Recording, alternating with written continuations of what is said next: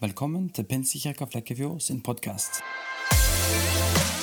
Vi er en kirke som ønsker å gjøre Jesus synlig i kjærlighet og kraft, og vi håper denne podkasten vil være til inspirasjon og hjelp for deg i ditt liv. Du er hjertelig velkommen til vår gudstjeneste hver søndag klokka tolv. Vi ses! Det er veldig inspirerende å være her i dag. En veldig lav gjennomsnittsalder her. Jeg trodde en stund jeg var den eldste. Men eh, jeg skal ikke se, men det er et par stykker som har kommet inn, så, som slår meg. Men det er ikke verst når ungdommer som meg er blant de eldste.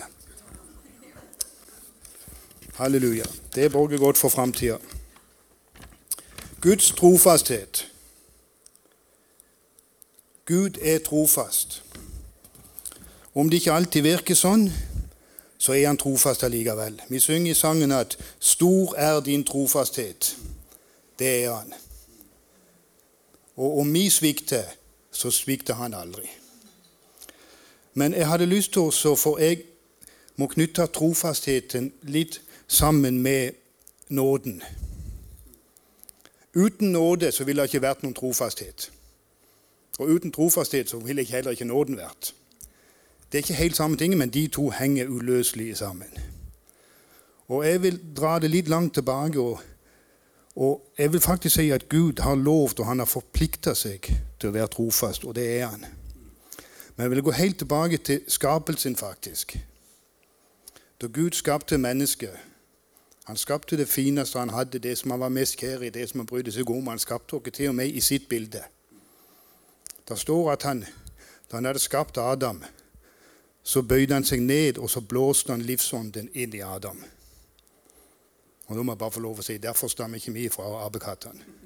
Vi stammer fra Gud.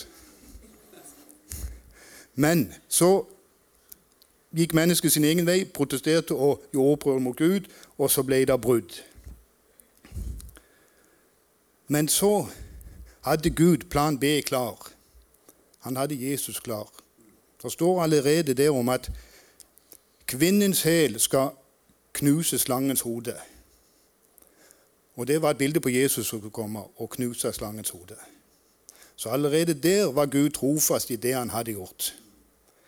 Og Jeg tenkte, også, jeg tenkte på Abraham, som Gud hadde gitt masse løfter. Hans ett skulle bli som stjernene på himmelen. Han skulle velsigne en rik på alle måter. Og så blir han bedt om å gå ut og ofre Isak. Og det ser ut som at eh, nå går Gud på tvert imot alt han har lovt. Men så løfter Abraham kniven, og så skal han til å hogge han i Isak. Så roper engelen 'Abraham, Abraham'. Ja, sier Abraham, og så stopper Gud han. Og så viser Gud han på sida, så ser han der er en geit som henger i en busk. Og så er det òg et bilde på Jesus som skulle komme senere og oppfylle alt. Og Der kunne han, Gud altså være trofast både mot sitt løfte om at en gang skulle komme noe som brant tilbake til, til Gud, og han var trofast mot Abraham. Og i dag er Jesus han er svaret på alt. I han har alle løftene fått sitt ja. Og han også svaret på Guds trofasthet. For så høyt har Gud elsket verden at han ga sin sønn, den enbårne, den eneste, for at hver den som tror på ham, ikke skal gå fortapt, men har evig liv. Men i Jesus har alle løfter fått sitt ja. Det kan være løfter, det er løfter til frelse, det er løfter til helbredelse, det er løfter til å forsørge oss, aldri forlate oss, være med oss gjennom alt. Og det er gjennom Jesus vi får alt dette. Han er inngangsporten til dette. Det er ikke alltid det virker sånn at Gud kan noen gang synes langt vekke. Men han er der, og han svikter ikke sitt ord. Jeg vil si faktisk når det gjelder helbredelse òg, at Gud svikter ikke. Ja, Hvordan kan jeg si det? Det er jo ikke alle som blir helbreda. Nei, det er ikke alle som blir helbreda. Men utgangen for oss den er alltid den beste likevel. Siste ordet vårt er alltid det beste. For om vi ikke blir helbredet her, så flytter vi til en plass der alle løfter er oppfylt. Til himlenes himmelhem, i evighetenes evighet. Der alt er bare ubeskrivelig godt. Så han står bak sitt ord. Jeg kan fortelle en gang Jeg må ha en personlig, et par personlige vitnesbyrd òg. Det er ganske mange år siden. Det var før jeg var gift. Var, jeg hadde min første jobb i Nordsjøen.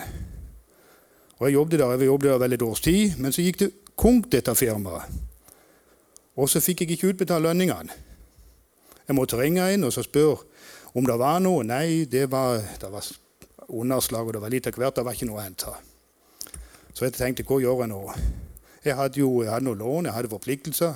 Hva skal jeg gjøre? Jeg får gå ned i banken og snakke med dem. Og Jeg gikk ned og jeg forklarte situasjonen og sa at eh, jeg trenger noe hjelp. Enten må vi utsette lånene og sånn og sånn. Og må ha noe. Ja, men nå skal vi inn og se, sa hun. Så, så slo hun opp, og så gikk hun inn og så. Ja, men her er det jo penger, sier hun. Nei, sier jeg. Det er ikke noe penger. der. Det er ikke noe som har kommet inn. Jo, der var det fullt opp med penger. Ja, det var da merkelig, det. Ja vel, ja, men da er jo alt godt. Kan jeg bare gå hjem igjen? Ja, det kan du gjøre, sa jeg. Og jeg gikk hjem igjen. Og så snakket vi Senere så viste det seg det at jeg var den eneste som hadde fått lønning derifra. Det er noe som heter lønnsgarantifond. Jeg hadde fått det fra deg kanskje senere, men det tar forferdelig lang tid.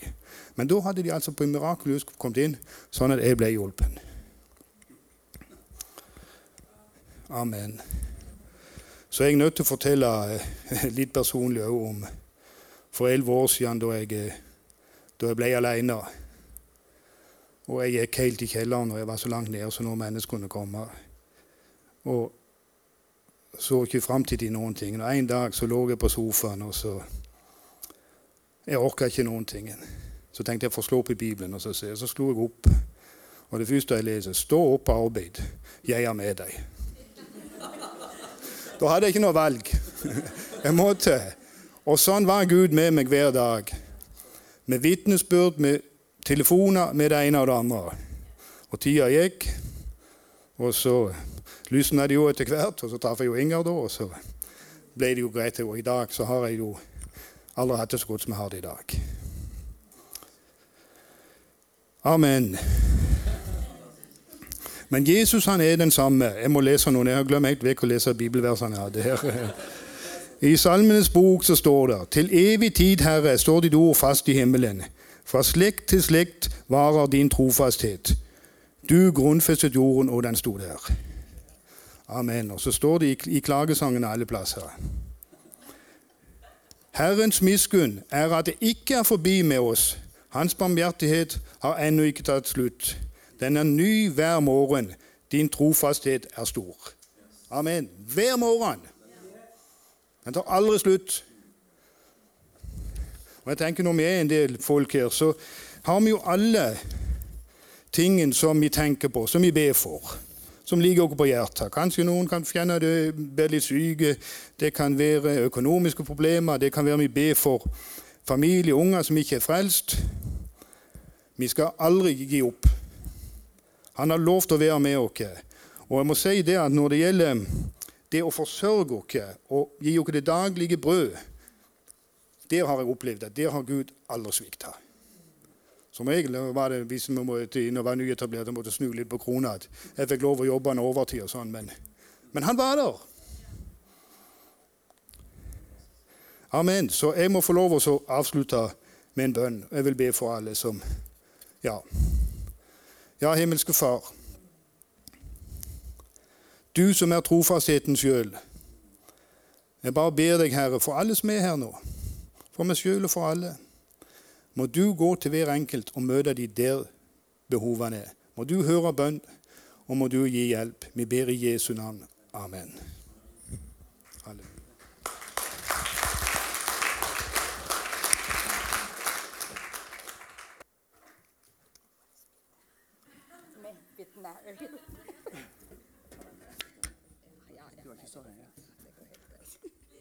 Sånn. Ja. Ja. Det var det. ja, Guds trofasthet og takknemlighet. Det er mitt favorittema. For det er det noe som jeg føler at jeg har Jeg opplever det hele tida. Men nå vil jeg snakke om det største, som, altså mirakel, etter ungene mine, som, som har uh, i det siste hendt meg. Men den Jeg vil begynne fra 2010. Så er, han, han bruke det ikke så lang tid, så håper jeg får den. nei, det var 2010. Det var da jeg ble skilt. Og så ble jeg alene med guttene. Og så var det den frykten jeg vil snakke om først. At det at når du er alene med to unger, og deg selv selvfølgelig, og så har du mange drømmer òg, både for ungene og, uh, og, en drøm som alle um, unge Da var jeg ung i 2010. Så, som går med så, Å ha egen plass å bo. Eget hus. Og så faktisk jeg, Det var en veldig vanskelig tid, men jeg søkte husbanklån. Uh, ja. Og så fikk jeg den. Og uh, det var jo stor glede, men banken sa nei. For det, sa ikke loven det ut. Det var bare Husbanken-loven. Men det, ellers var økonomien ikke sånn at jeg kunne få noe mer. Så var det selvfølgelig ikke noe jubel lenger. Så jeg ba til Gud og så spurte jeg hva som skal skje nå. Jeg hadde veldig lyst på det. Og, sånn. og jeg fikk ikke noe annet enn det at han sa til meg at en dag skal han være min medlåntaker. Jeg det var kanskje første gang jeg hørte det ordet. eller sånn fikk med meg. Og så var, Det var en trøst i det. Og uh, Selv om jeg visste ikke hvordan det skulle skje. Så går årene, og ting blir ikke bedre. Det blir bare verre og verre. Det blir mange kredittkortgjeld og mange sånne ting. Og så var det to vers som holdt meg oppe. For det å ha sånn et liv med Jesus, be til han, det hjelper. Selv om det, ser ikke veldig lyst ut, men det hjelper. Så var det kanskje Daniel kan sette opp de to versene. Det var Salme 27, 14 og Jesaja 40, 31. Det er veldig kjente vers, men det var det som hjalp meg veldig. Så var det i tillegg til disse løftene at han er der, bare vent på han, han er der, så er det alle stemmer rundt omkring. Ja, snart er du veldig oppe i årene. Du må begynne å gjøre noe. Du må ha et hus. Du må, ha, du må gjøre noe, så du må fikse noe. Så ja, men du har jo ikke noe sjanse. Så, så var det ikke noe vei. Men etter hvert årene går, også etter seks-sju år, så med veldig god hjelp, det er òg fra Gud og noen veldig lydige mennesker, at uh, jeg fikk litt struktur på økonomien. Og så gikk det litt sånn enda mer år. Og så ble jeg ferdig med det, alle disse kredittkortgjeldene og alt sånt. Så var uh, fortsatt den drømmen var der. Jeg hadde varslinger fra finn.no hver gang det kom noen nye boliger. Så fikk jeg varsling. og så pleide jeg å se på alle bildene, og så bladde jeg gjennom, og så var det over. Så var det en julimorgen. 6. juli, faktisk. 2019. Så, så ni år har gått nå. Så var det et hus jeg så, og så som vanlig. Bare så den, og så var det over. Og så Litt seinere på dagen da jeg satt og ba, så kom bildet av det huset med de blå døra og hvite vegger. Altså i bønnen til meg. Og uh, da tenkte jeg at det må være noe der. Så delte jeg den annonsen med eh, noen venner, og så fikk veldig bra respons og så jeg litt oppmuntring. Det er veldig greit å ha gode venner. Veldig godt. Jeg hadde ikke klart meg uten. Og så gikk jeg faktisk til banken. Og så Den banken der jeg har vært kunde i flere år. Trofast kunde. Men jeg fikk avslag. ja, og så fikk jeg beskjed ja, søk i Husbanken. Fordi, eh, ja, Det kan være et håp. Fordi jeg hadde, ja, det glemte, jeg glemte å nevne at jeg hadde absolutt ingen egenkapital. Så jeg gikk bare med troen. så var det den uh, Husbanken. Så jeg søkte der. Det var den eneste håp som de trodde det var. Så etter noen dager så fikk jeg avslag fra det òg. Og det stakk veldig, for det var det eneste igjen. Og jeg husker veldig godt, Det var kveldsvakten min den dagen. Jeg gikk tilbake på jobb, og så plutselig tenkte jeg Det som sto i papirene, det var at du kvalifiserer deg ikke som en kund, altså kandidat for husbanklånen. Eh, fordi du har bra nok inntekt. Og eh, ja, at du kan opp, eh, På noen år kan du spare deg opp til uh, uh, egenkapital. Da kom det Det er jo bønnesvar. Det var det jeg har bedt for i så mange år. Så det er ikke noe å være lei seg for. Og faktisk den kvelden på jobb Jeg hadde veldig rolig vakt. Jeg gikk der og var så glad jeg kunne ikke slutte å smile. Jeg har aldri vært så glad for et avslag. Så, det var fordi det var et bønnesvar. Og det var en sang som Hvis vi har tid etterpå, så skal vi høre på den. Det var i hodet mitt hele tida. I'm no victim. Jeg er ikke et offer. Jeg lever med en visjon. Jeg er kongens datter. Det var det som kom til meg. Jeg kvalifiserer ikke meg til, sånne ting. Så han er min far. Han skal sørge for det. Så var det, jeg visste ikke hva som skal skje videre, men det var veldig stort for meg. Og så igjen, gode venner, Gosha og Lukas, de kom med forslag. Ja, prøv en annen bank. Og jeg kjente ingen andre bank. Jeg er ikke flink med sånne ting heller. Kan absolutt ikke sånne prosesser. Så gikk jeg til um, en annen bank. De kjente ikke meg, jeg kjenner ikke de. De visste ikke, ja, bare det at jeg har jobbet en plass i så mange år. og uh, sånn. Så gikk det Ja, han, de skulle ringe til meg. Så gikk det noen dager, uker faktisk, fordi han ble syk. så, så, til slutt, etter nesten to uker, når jeg fikk svar fra han, så var det et ja. Og 100% lån.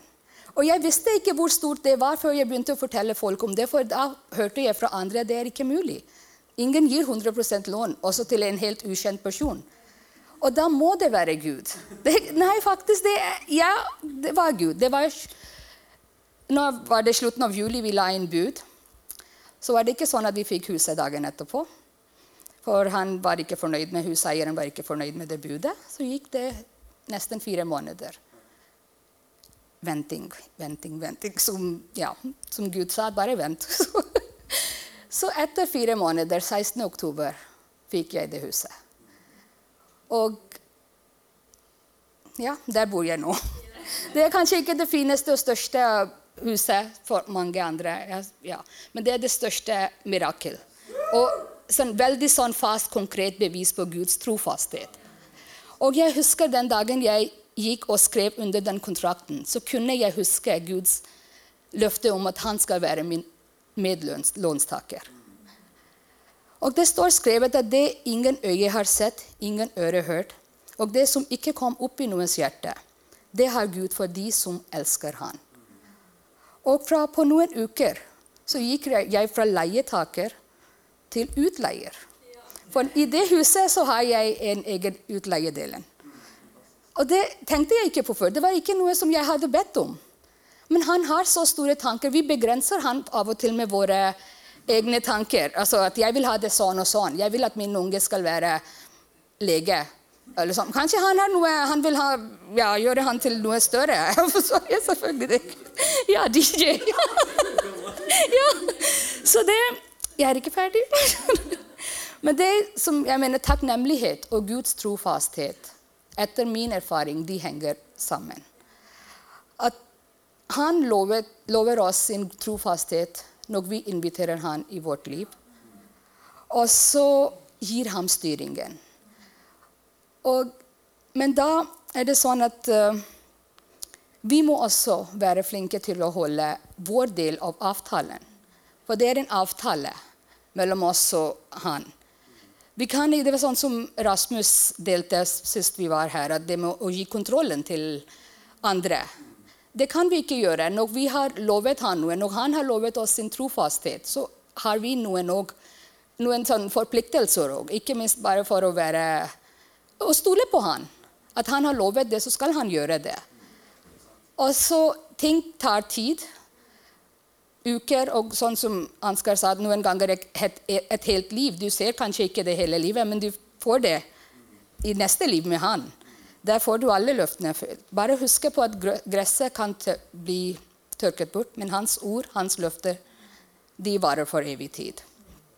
Så ja, også det i alle nederlag og skuffelser så må vi huske at Gud kan bruke alt som skjer, til noe godt for de som elsker Han.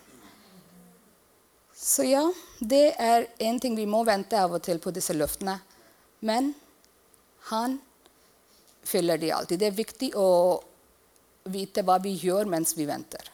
Ikke klage for det vi ikke har, men være takknemlige for det vi har. Det han har gjort for oss, det er alltid noe som vi kan være takknemlige for. Og hans trofasthet og godhet er ikke avhengig av hvem jeg er. Og hva jeg gjør, hvilken sivilstatus jeg har, og hva, hvor mye jeg tjener. Han er god, han er trofast fordi det er hans løfte til oss, og han er tro mot sitt ord. Og, er det, og det er veldig enkelt hvis man er veldig bevisst på at hvem man er i han. Så er det Ja, det er vanskelige dager, men når vi vet at vi er i han, og han er vår far, og han elsker oss mye mer enn det vi elsker våre unger. Det er det jeg prøver å huske. Så ja, så hvis det er tillatelse, så kan vi høre den sangen. Og Det er bare en sånn, bevis, sånn en sangen som minner oss om hva, hvem vi er, og vi, hvordan vi må, hva vi må tenke og ikke tenke. Så det var det.